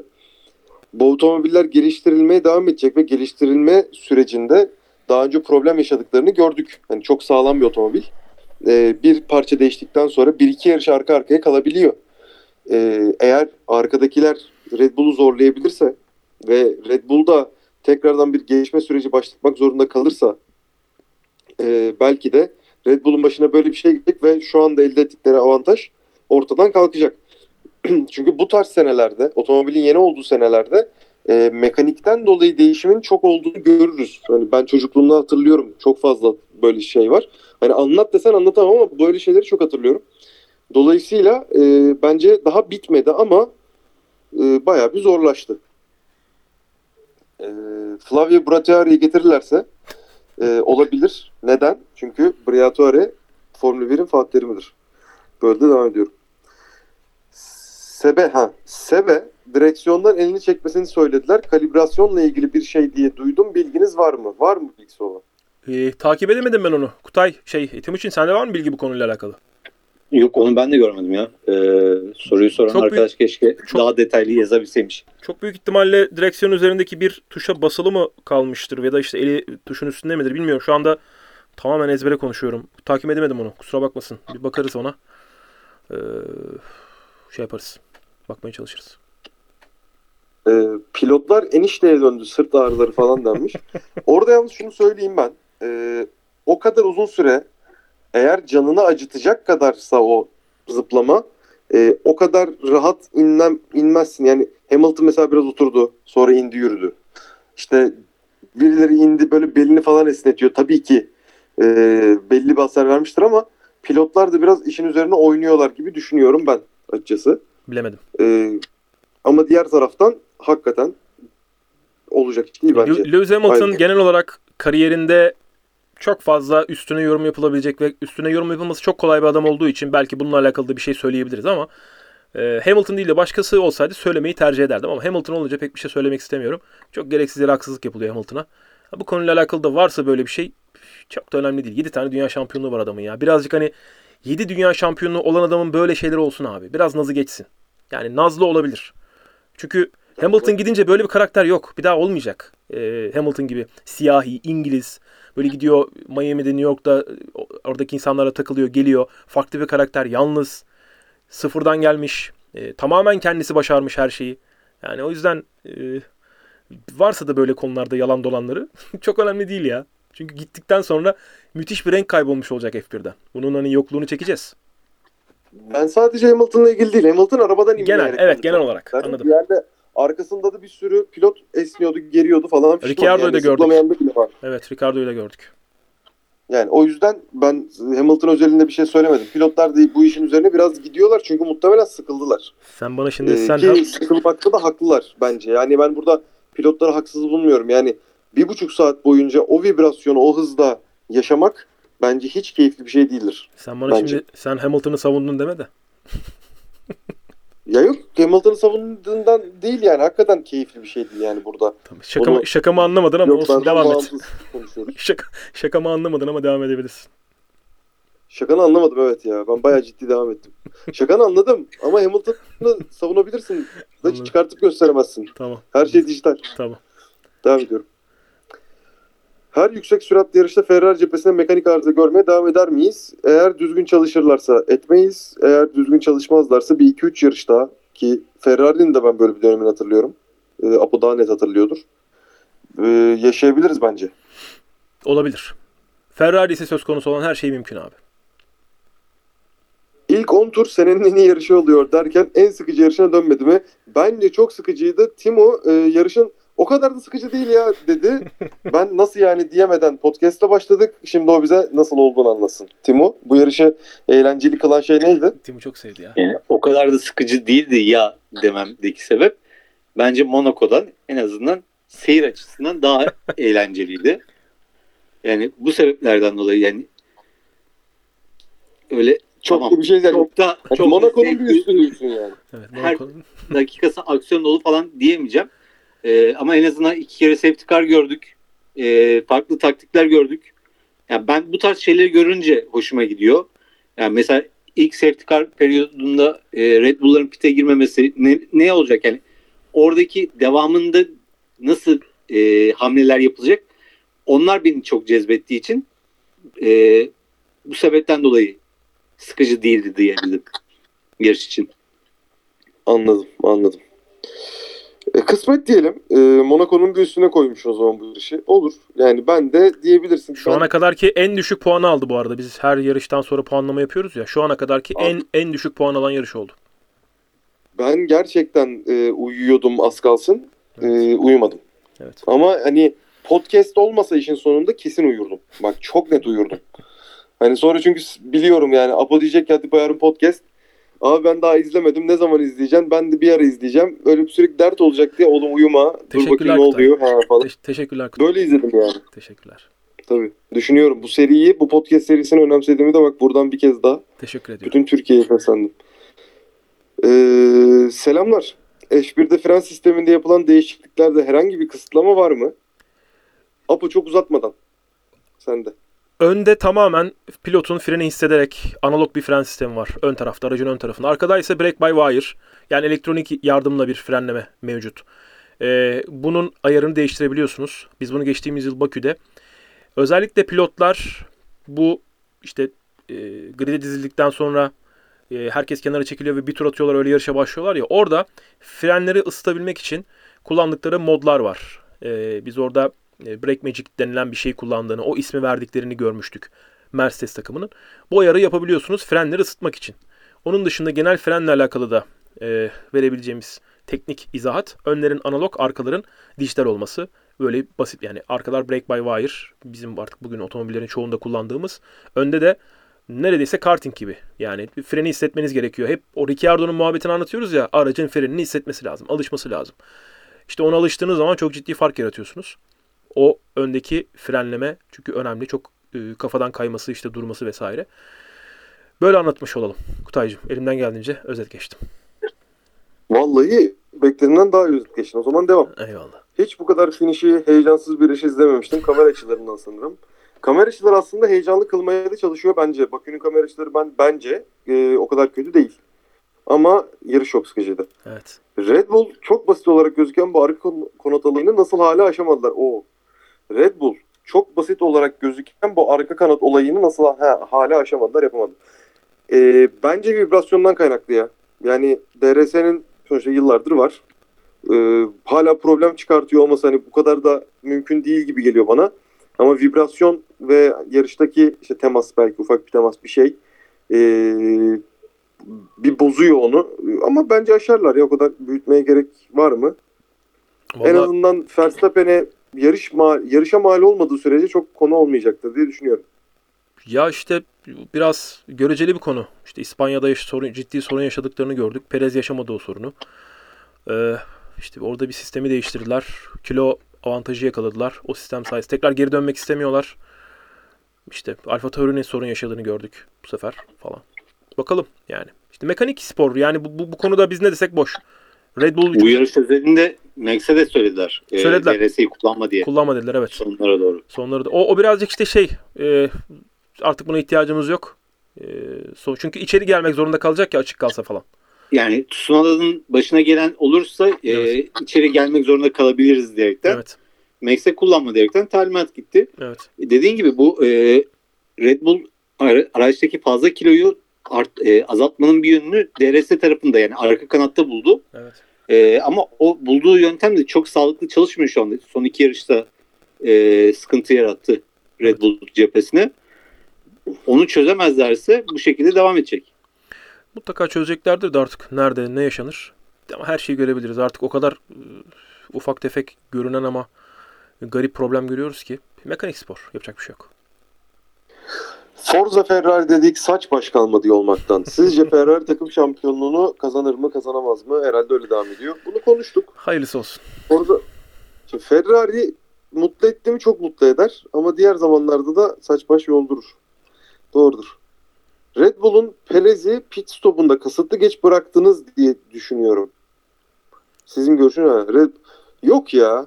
Ve olmaz diyemem ama bence yok. Öyle ya bir- yani. Öyle bir okudun ki soruyu. Yani ben de Bak, sanmıyorum. Soru ben de, şöyle yazıyor bak ben de. soruyu bir dakika çok pardon. Red Bull'un Perez'i pit stopunda kasıtlı geç bıraktığınız düşünüyorum. Sizin görüşünüz. Şimdi ben bunu toparlayamadım o sırada. O yüzden öyle oldu. Kutaycığım sen yılların soru okuyucusu olarak bu işleri artık hallediyormuş olman lazım. Çok haklısın. öncelikle bunu söyleyeyim. Ben sanmıyorum. Ben sanmıyorum. Bu arada bu arada bunu bir bir şeyle daha bağlıyorum. Bir altta da Perez'in hakkı yeniyor denmiş. Perez'in hakkı eh, yeniyormuş gibi gelebilir. Bir, bir Perez taraftarıysanız, yani öncelikle Meksikalıysanız bir, tabii ki. Perez'in ailesinden biriyseniz ya da Perez destekleyen, e, Perez taraftarı birisiyseniz evet Perez'e haksızlık yapılıyormuş gibi gelebilir. Bu her yarışta gelebilir. Yapılmıyorsa bile gelebilir. Çünkü daha önceki yaşananları gördüğünüz için. Ancak Max Verstappen o takımın patronu. Yani orada o ne istiyorsa o yapılacaktır. Ya da o, o ne, e, Verstappen'in böyle bir şey söyleyeceğini, ima edeceğini düşünmüyorum zaten de. E, Max hep pist üstünde konuşur. Ama bazı kritik konularda e, Red Bull takımı hep hafta sonu öncesinde, hafta sonu koşulurken Max'a avantaj sağlayacak stratejiyi tercih edecektir. Perez birazcık bu stratejilerde de önde kalmayı başararak yani yarış içerisinde Perez bir şekilde tempo olarak önde kalsaydı ve Max farkı kapatamasaydı biz burada Perez galibiyeti görürdük.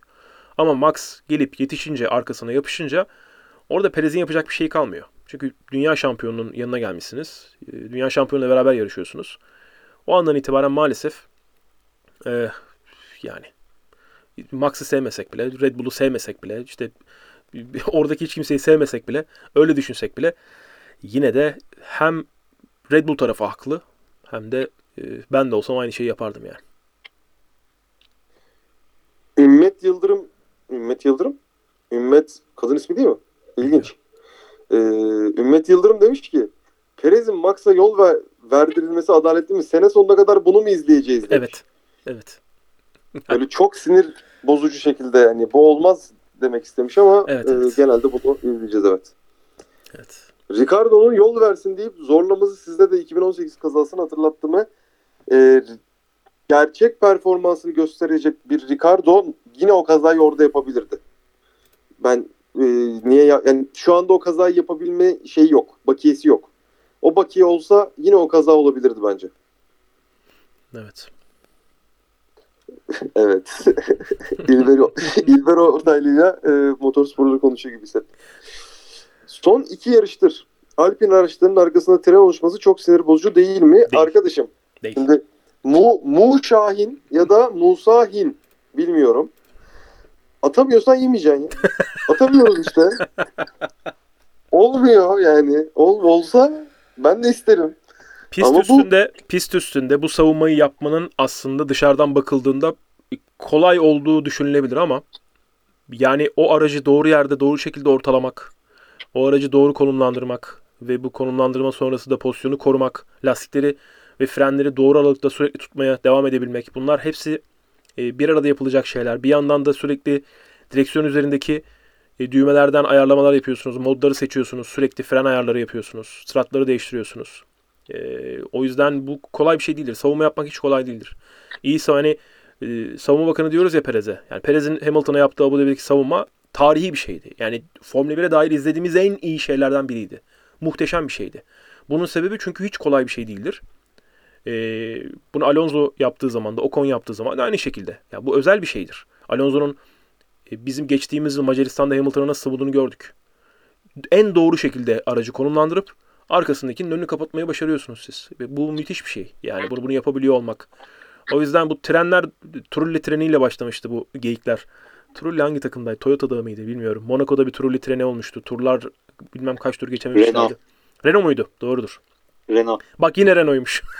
Kutaycığım, Kutaycığım kusura bakma. Abi bak doktrini belli takımın.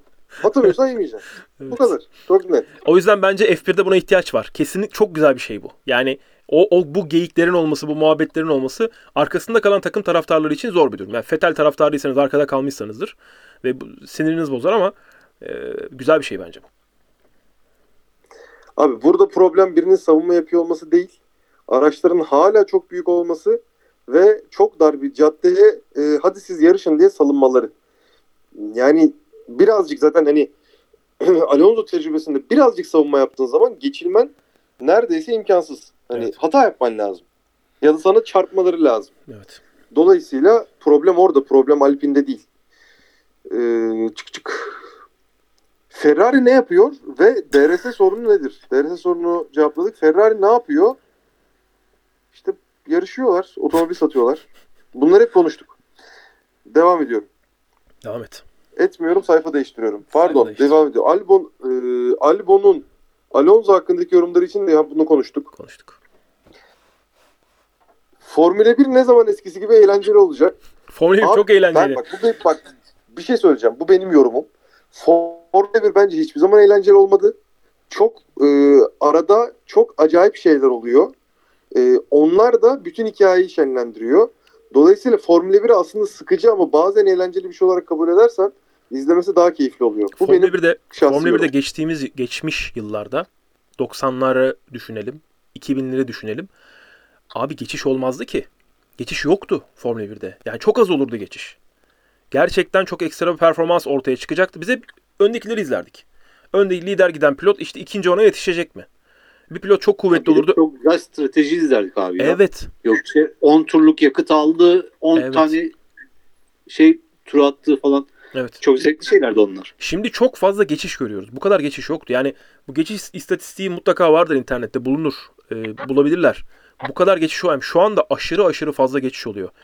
DRS ile yapılan geçişler ne kadar yani tercih edilebilir geçişlerdir tartışılır ama F1'in ihtiyacı olduğu için DRS geldi. İyi ki de geldi. Tamam çok fazla geçiş görüyoruz bir şekilde. İşin eğlence tarafını birazcık arttırmaya çalışıyorlar. Normal. Bu bu sonuçta bir seyirci sporu. Seyirciler için yapılan bir iş bu. O yüzden normal ama F1 zaten çok eğlenceli hale geldi. Yani geçtiğimiz yıl izlediğimiz şampiyona yani çok çok üst düzey bir şampiyonaydı. Şu ana kadar gelen işte Monaco yarışını bir kenara bırakalım. E çok iyi bir sezon gidiyor. Şurada yarışın ortasına kadar, Leclerc yarış kalana kadar ki bölüm çok iyiydi. Yani işte Ferrari'ler bir anda yarış kalıyor ve kötü bir şey oluyor. Yarışın eğlencesi ortadan kalkıyor ama genel olarak zaten çok iyi bir sezon izliyoruz. Geçtiğimiz yılda çok iyiydi. E, Formula 1'de biz aslında bu kadar e, yetenekli pilotun aynı anda bir arada olduğu çok fazla sene görmemiştik. Şu anda yetenekli bir sürü pilot. E, hangi hangisini hangi takıma koysak?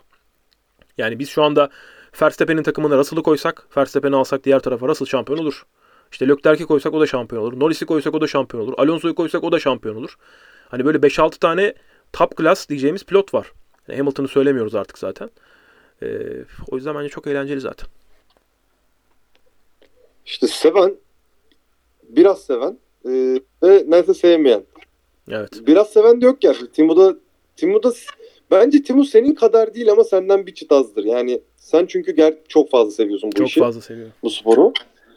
Hani Timu'nun yine böyle farklı böyle basketbol, futbol bir şeyler olduğu için böyle bir çıt azdır diyorum ama sende onlar da çok yok ya. Ya orada orada şey durumu var abi. Şimdi Formula 1 DRS denen bir şey bozuluyor değil mi? Ad- Adamların bütçesi bilmem kaç yüz milyon dolardı yıllarca. Şimdi normalde DRS denen şeyi temel anlamda çözmüş ve bitirmiş olman gerekiyor. Senin 10 küsür senedir var bu DRS. Ee, otomobil markalarının en top class mühendisleri burada. Dünyada daha üst seviyede yani uzay mekiği üreten mühendisin Formula 1'deki kadar yetenekli olmasına ihtiyacımız yok. Çünkü orada belli bir matematik var. Füzenin kaçıncı saniyede artık o mo- modülün ayrılacağı bunlar çok net. İçerideki teknolojik aletleri bazılarını geliştirirsiniz falan filan ama Formula 1 öyle değil. Sürekli bir değişken var.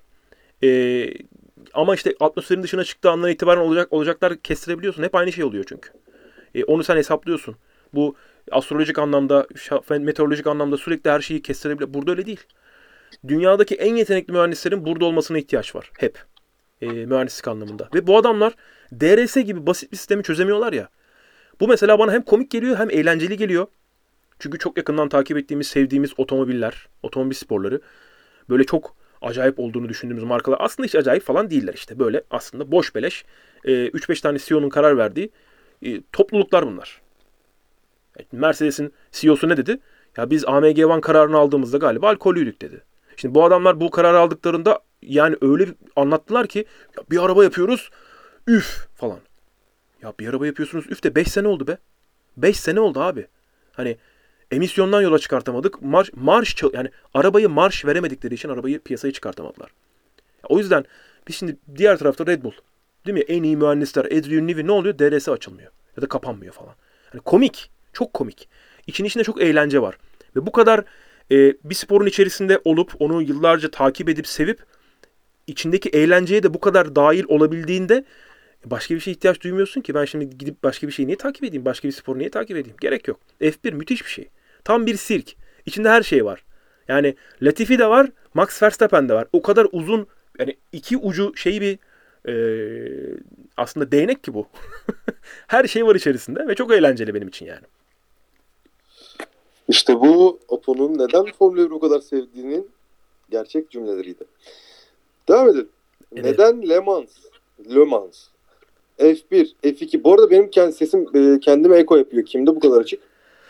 Sorun yok, sorun yok. Yay- Yayına gelmiyor en azından. Önemli değil. Merak etme. Hah, iyi tamam. Neden Le Mans, F1, F2 ve motosiklet şampiyonaları aynı hafta sonu koşuluyor? Timuçin, sen Benim buna cevabım var. tamam sen Benim buna söyle. cevabım var. Timuçin söyle. Ee, ama bu e, şakadaki herkes şaka olduğunu kabul etsin öncelikle. Tamam. Şimdi e, biz Türkiye'de böyle zaten 7 tane falan branş var. Onların dördünü aynı hafta sonuna almayı çok seviyoruz. Bu bizde medya ya da izleme açısından problem olmuyor ama hakemler için büyük problem oluyordu az zamanında. Hala yapmıyorlar. Artık daha iyiler ama zamanında bu çok oluyordu. Şimdi biliyorsunuz ki bizim de yine bu zamanında e, FIA ile aramız fazla iyi oldu. Tavla falan oynamaya başladık. İşte biz orada insan dedik orada. Hani siz dedik şunu bir deneyin. Bütün hepsini aynı hafta sonu koyun bakalım ne oluyor. Hani insanlar ne yapıyor. E, bence onu biz fikrini biz verdik. E, teşekkürler. Timuçin. Bu bir başarı hikayesidir. Ee, bir hafta sonuna kimler kimler neleri dahil edebiliriz diyerekten. Yani test edilmiş, onaylanmıştır yani. Üç tane güzel baba yarışı aynı hafta sonuna koyabiliyor demek ki. Bizim Yani bizde ne vardı bu sırada Türkiye'de? karting ve offroad vardı. Baca vardı galiba değil mi? Karting ve offroad Ya işte vardı. ben zamanında şey hatırlıyorum. E, pist, tırmanma, rally, e, bir de ya karting ya offroad ya da offroad artı e, Abi şey. bak offroad artı offroad artı bir şey. Hani offroad artı pist banko oluyordu. Bir de yanına karting falan çıkıyordu. Ee, olabiliyordu bu, bu tarz şeyler de. Yok ben e, bu Le Mans Superbike Formula 1 ve e, Türkiye'de de galiba baca vardı yanlış hatırlamıyorsam bu hafta sonu Evet. Bursa'da. Vallahi abi bir şimdi de Uşak'ta da MotoGP, moto, motocross mu ne vardı? en azından o farklı bir ya. şa- farklı bir federasyonun olduğu için orada hani hakim konusunda sıkıntı yaşamamışlardır tabii ki. Şöyle söyleyeyim 2007 E, yılında canım. 2007 yılında WTCC Dünya Binek Otomobiller Şampiyonası Türkiye'ye gelmişti. Dünya Binek Otomobiller Şampiyonası Türkiye'ye geliyor. Hani bu hani önemli bir şey değil mi? Çok önemli bir şey. O dönem biz F1 falan da yapıyorduk çünkü. E, WTCC'den çıkıp biz e, cumartesi günü cumartesi akşam Pro Kart'a Tuzla Karting pisti o zaman açıktı. Şu andaki Tuzla Karting pistinden bahsetmiyorum. Eski Tuzla Karting pisti. Gerçek Tuzla Karting pistinden bahsediyorum. Muhteşem bir pisti orası. Oraya Pro Kart'a gitmiştik. Yani 2007 yılı. Ya bu takvime kim karar veriyor abi diyorduk biz. Hani bunu başka bir bir sonraki haftaya koy. Önceki haftaya koy. Buraya niye bunu niye koydun diyorduk. Biz yine e, otodrom pistinde bir şeye gittik. Yine dayanıklılık e, Pro Kart'a gittik. 6 saat yarıştı. Pro Kart nedir diyenler olacaktır. 6 saat yarışına gittik. E, 6 saatlik bir karting e, mücadelesi. Oradan çıkıp sabah Bursa'ya ralliye gitmiştik. Yani bunları bir araya getirmek özel şeydir. Ee, böyle bir yetenek isteyen bir durumdur. Bu yıllardır yıllardır olan bir durum. Ben 2005'ten beri Türkiye'de motorsporlarının içerisinde takip ediyorum. 2005'ten bugüne kadar bu dev 17 yıldır olan bir şey. Ya bunu özellikle yapıyorlar e, diye Yani düşünüyorum. ben onu neden yaptıklarını sana söyleyeyim Apo. Buyur abi. Ee, şimdi bu camiadaki insanlar e, farklı camialar ama hepsi de arkadaşlar bir nevi. Beraber tatil planı yaptıkları için geri kalan zamanlara yarış koyuyorlar. O zaman da denk geliyor işte. Kesinlikle. Yani ondan dolayı yoksa başka bir şey yok. Şimdi burada bir yandan tabii ki bizim e, 2005'ten 2022 yılına kadar federasyonumuzda, Otomobil Sporları Federasyonumuzda görev alan ve bu karar, bu takvim kararlarını veren insanların tabii ki kararlarını eleştiriyoruz ama bir yandan da şimdi dünyada en büyük yılda bir tane yarış bekleniyor değil mi? Dayanıklılık anlamında ben Le Mans'ı e, bu yıl çok daha önceden takip etmeye başladım. Bütün detayları takip etmeye başladım. E, işte yapmış olduğumuz çalışmadan dolayı. Ama yarışı takip etmeye çalışıyorum. O e, cumartesiden pazara elimden geldiğince işte sabah seansı, akşam seansına biraz bakıyorum. Sonra tekrar sabah erken saatler ve yarış biterken bakmaya çalışıyorum. Şimdi bu yarışın hangi tarihte olacağı belli ve bu yarış hep her sene aynı tarihte. Haziran ayının genelde ikinci haftası. Birinci, ikinci, üç oralarda oluyor. Ya bu hafta sonu F1 koymak nedir abi? F1'i sen bir önceki haftaya alsana. Orası boş. Şimdi Bakü'den çıkacaklar, Kanada'ya gidecekler. Bir hafta var arada. Ya Bakü'den Kanada abi Allah aşkına. Monaco ile Bakü arasında iki hafta var. Bakü ile Kanada arasında bir hafta var. Sonra Kanada'dan sonra iki hafta var tekrar. Ee, bir sonraki yarışa. Yani baktığımız zaman FIA'da bu takvimi yapanlar da kafası yanan olarak güzel insanlar galiba. Çünkü bu sene FIA başkanı dedi ki yani biz bu takvimle alakalı bir konuşacağız, konuşacağız dedi. Bundan sonra dedi F1 ile Le Mans bir, aynı hafta sonu olmayacak. E günaydın ya. Gerçekten gün- hakikaten helal olsun ve günaydın diyorum. Şimdi MotoGP ile e, Superbike'la aynı hafta sonuna denk gelmesine bir şey söylemem. Bu tamam normal çünkü farklı federasyonlar. MotoGP'de de çok fazla yarış var. 21 ya da 22 yanlış bilmiyorsam. Mutlaka bir yerde denk gelecektir zaten. Okey bunda problem yok ama ya Le Mans bir senede bir hafta 52 hafta sonu var ve bir hafta sonu ya. Oraya koyma bu yarışı. Oraya koyma. Öncesine koy, sonrasına koy. Le Mans olduğu zaman sadece insanlar oraya baksınlar. F1 pilotları gitsin. F1 takım yetkilileri. Ma- e, McLaren'in takım patronu şeydeydi. Fransa'daydı. E, Sarte'deydi. E, biz onu hafta sonu Bakü'de tekrar gördük mü bilmiyorum ama cumartesi günü oradaydı mesela. Yani o yüzden saçma bu kararlar. Ülkemizde de saçma yıllardır. Dünyada da saçma. Dünyada saçma olduğu zaman zaten pek bir şey diyemiyorsun. Hani orada da zaten bu garip kararlar veriliyor. O yüzden ülkemizde normal diyoruz ama e, maalesef böyle. Bu kararları veren insanlar böyle olmalarını istiyorlar. Yani Bakü ile Monaco arası iki hafta ama Bakü ile Kanada arası bir hafta. İşte Bakü'den burada lojistik çıkacak. Kana- Kanada'ya gidecek.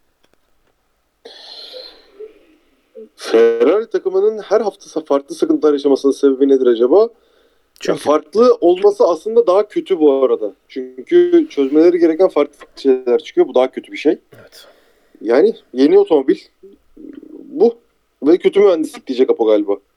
Kötü mühendislik değil de işte yani Yetersiz mühendislik. Ya sezon Yanlış başında mühendislik. sezon başındaki hataları yapmamış olsalardı, strateji hatalarını yapmamış olsalardı, pilotlar bu hataları yapmamış olsalardı. Şimdi Red Bull takımı da hataları yapmadı, pilotları da hataları yapmadı ve puan olarak e, önde kalmayı başardılar mekanik. Çünkü mekanik arıza her zaman çıkacak. Herkesin başına gelecek bir şey. Dur dur dur dur bir dakika bir dakika son iki soru çok iyiymiş. Son iki soruya gitmem lazım. Gid abi. Ee, Ferrari takımı inşallah sıkıntı yaşamaz ya. Bu da gelelim o konuda. Hava sıcaklığı Red Bull için sorunken artık Ferrari için mi sorun? Diye böyle bir kafası çok karışmış bir soru var burada. Hani sanki tek bir takıma. Şöyle e, Red Bull için hala sorun mu? Bunu bilmiyoruz. Ferrari için de hava sıcaklığının sorun olup olmadığını bilmiyoruz. Dolayısıyla aslında bu konunun hava sıcaklığı pek alakası yok. Ya şimdi e, sıcak pistlerde geçtiğimiz yıllarda Mercedes'in sorun yaşadığını hep duyardık. Özellikle onların güç ünitesi paketinin e, sıcak pistleri sevmediğini duyardık. Ve bazen hala da duyuyoruz. Özellikle sıralama turlarında lastik ısıtma konusunda mesela biz Mercedes'in sorun yaşadığını duyarız hep. Bu, bu, bu pistte de aynı şeyi yaşadık ve duyduk. E, hava sıcaklığı çok temel bir problem değil. Genel anlamda getirmiş oldukları güncelleme bence Bakü'nün e, Timuçin'in de parmak bastığı Mercedes Ferrari motorlarını yemesiyle ortaya çıkan bir sorun izledik.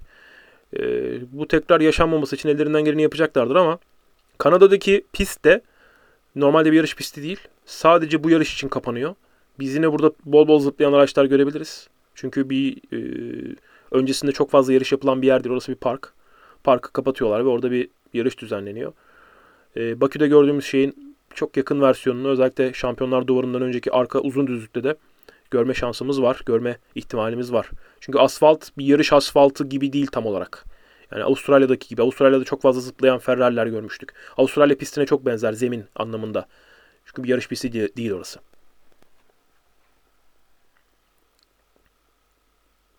Konu bana mı geldi? E yani tabii varsa başka sorumuz. Ee, son soruyu ben sona saklamadım ama iki sonda. Şimdi daha önce büyük harflerle Fettel abimin büyük harfleri kapatmış bırakması gerektiğini söylemiştiniz. Son zamanlardaki performansı sonrası utandınız mı olabilir orası?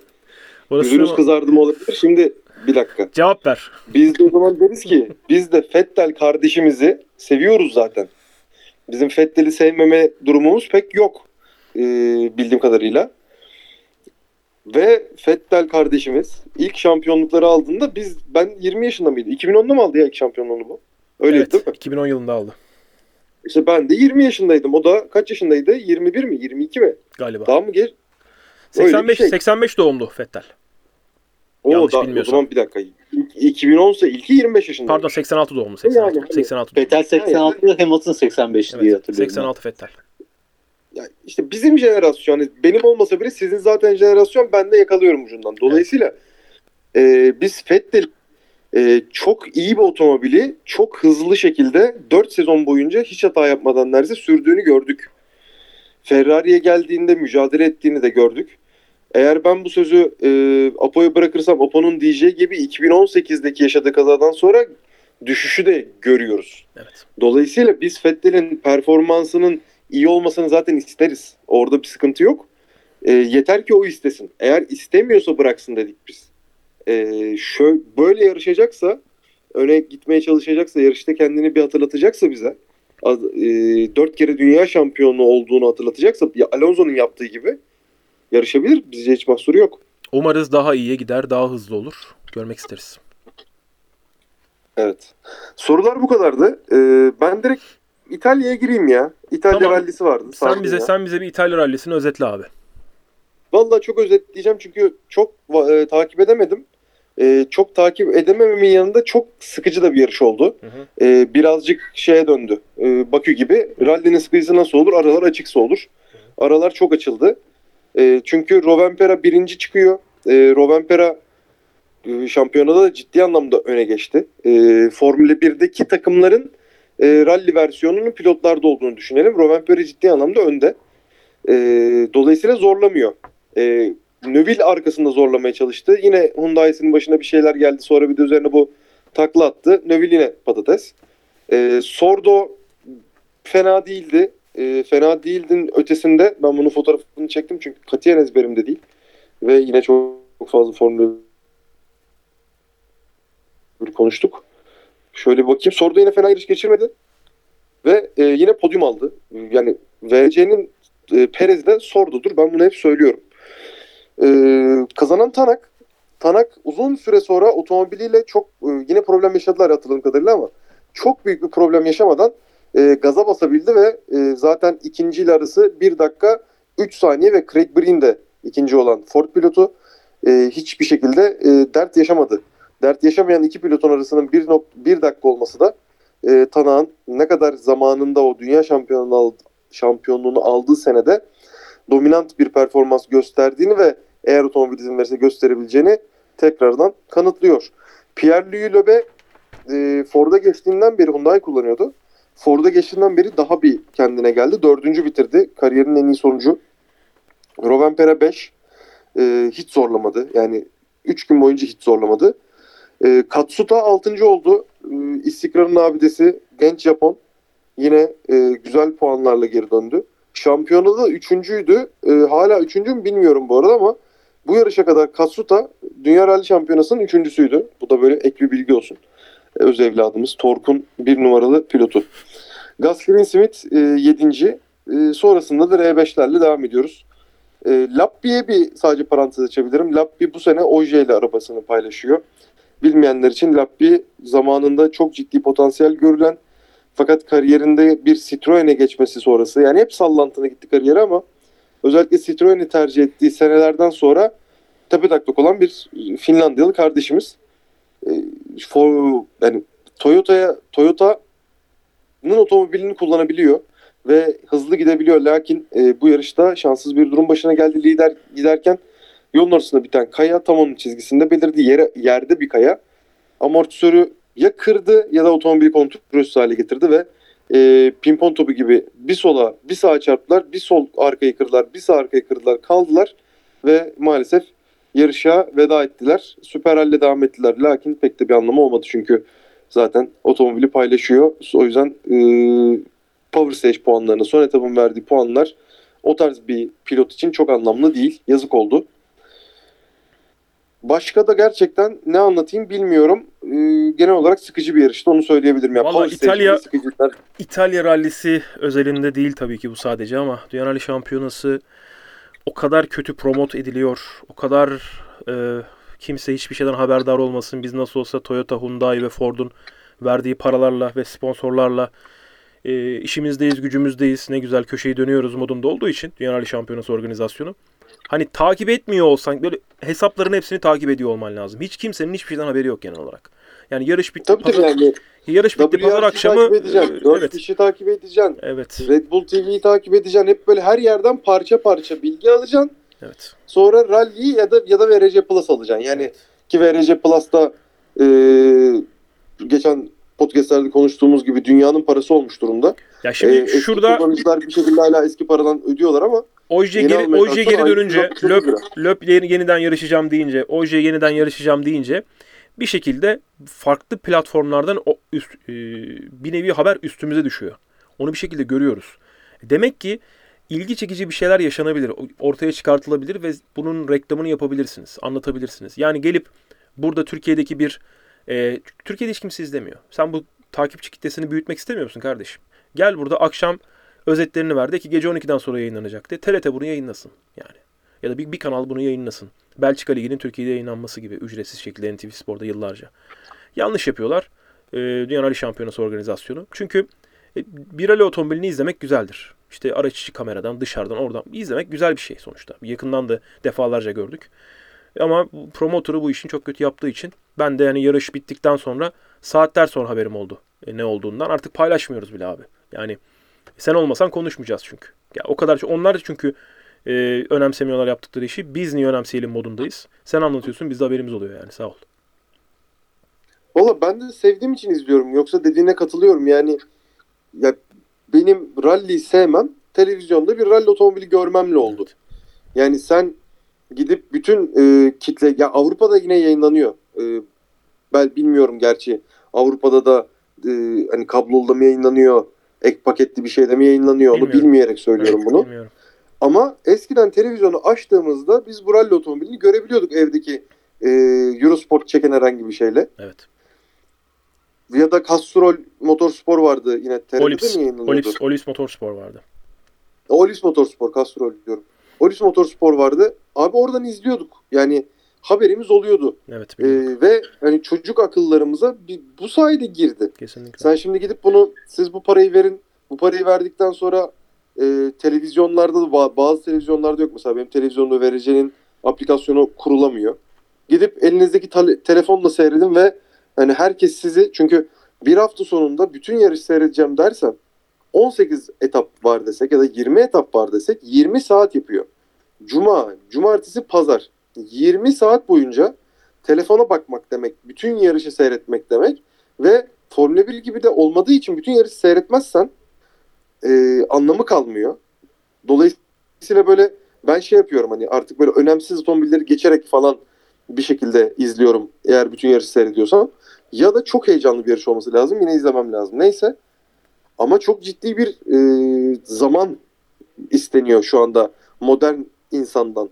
Sen gel rally seyret diye ve bunun hiçbir şekilde özeti, mözeti ya özet izlemek için para verilir mi ya? Ha tamam canlı izlemek için para ver. Anlarım. Ya VRC Plus bu 40 dakikalık özetini bile VRC Plus'ın içine koyuyor. Zaten ben VRC Plus almışım ki o etapları canlı seyredeyim diye. 40 dakikalık özetini izleyeceksem ben bunu almam. Ya bir şeyi ücretli yaparak e, onun ona olan ilgiyi büyütemezsin. Vallahi VRC'nin sosyal medya hesabı yani YouTube kanalında e, bile içerik yok. O yüzden çok da önemli değil abi. Eyvallah.